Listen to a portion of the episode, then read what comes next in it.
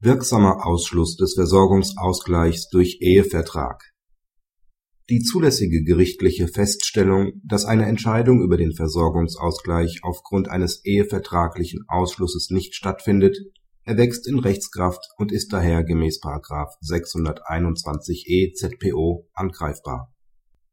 Die Eheleute heiraten 1985. 1996 schließen sie einen Ehevertrag in diesem vereinbaren sie, für den Scheidungsfall unter anderem den Zugewinn und Versorgungsausgleich auszuschließen. Die Ehe wird im Jahr 2000 durch das Amtsgericht geschieden. Im Tenor heißt es auch, der Versorgungsausgleich wird ausgeschlossen.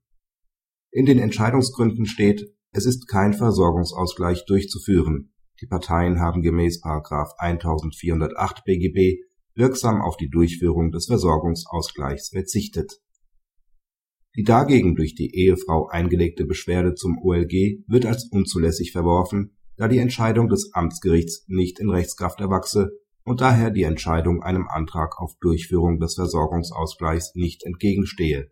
Die Ehefrau beantragt beim Amtsgericht die Durchführung des Versorgungsausgleichs. Das Amtsgericht stellt dem Grunde nach fest, dass ein Versorgungsausgleich durchzuführen ist. Die Beschwerde des Ehemanns gegen diese Entscheidung weist das OLG zurück der BGH gibt der zugelassenen Rechtsbeschwerde des Ehemanns statt. Die Feststellung im Verbundurteil, dass ein Versorgungsausgleich nicht stattfindet, ist in Rechtskraft erwachsen und damit nicht mehr angreifbar. Das Amtsgericht hat ausweislich der Entscheidungsgründe geprüft, ob die Vereinbarung über den Ausschluss des Versorgungsausgleichs wirksam ist. Daher ist die Feststellung des Ausschlusses nicht nur deklaratorisch. § 53d FGG steht dem nicht entgegen da das Familiengericht nicht gehindert ist, eine feststellende Entscheidung auszusprechen, die dann mit einer befristeten Beschwerde angegriffen werden kann (§ 621 EZPO).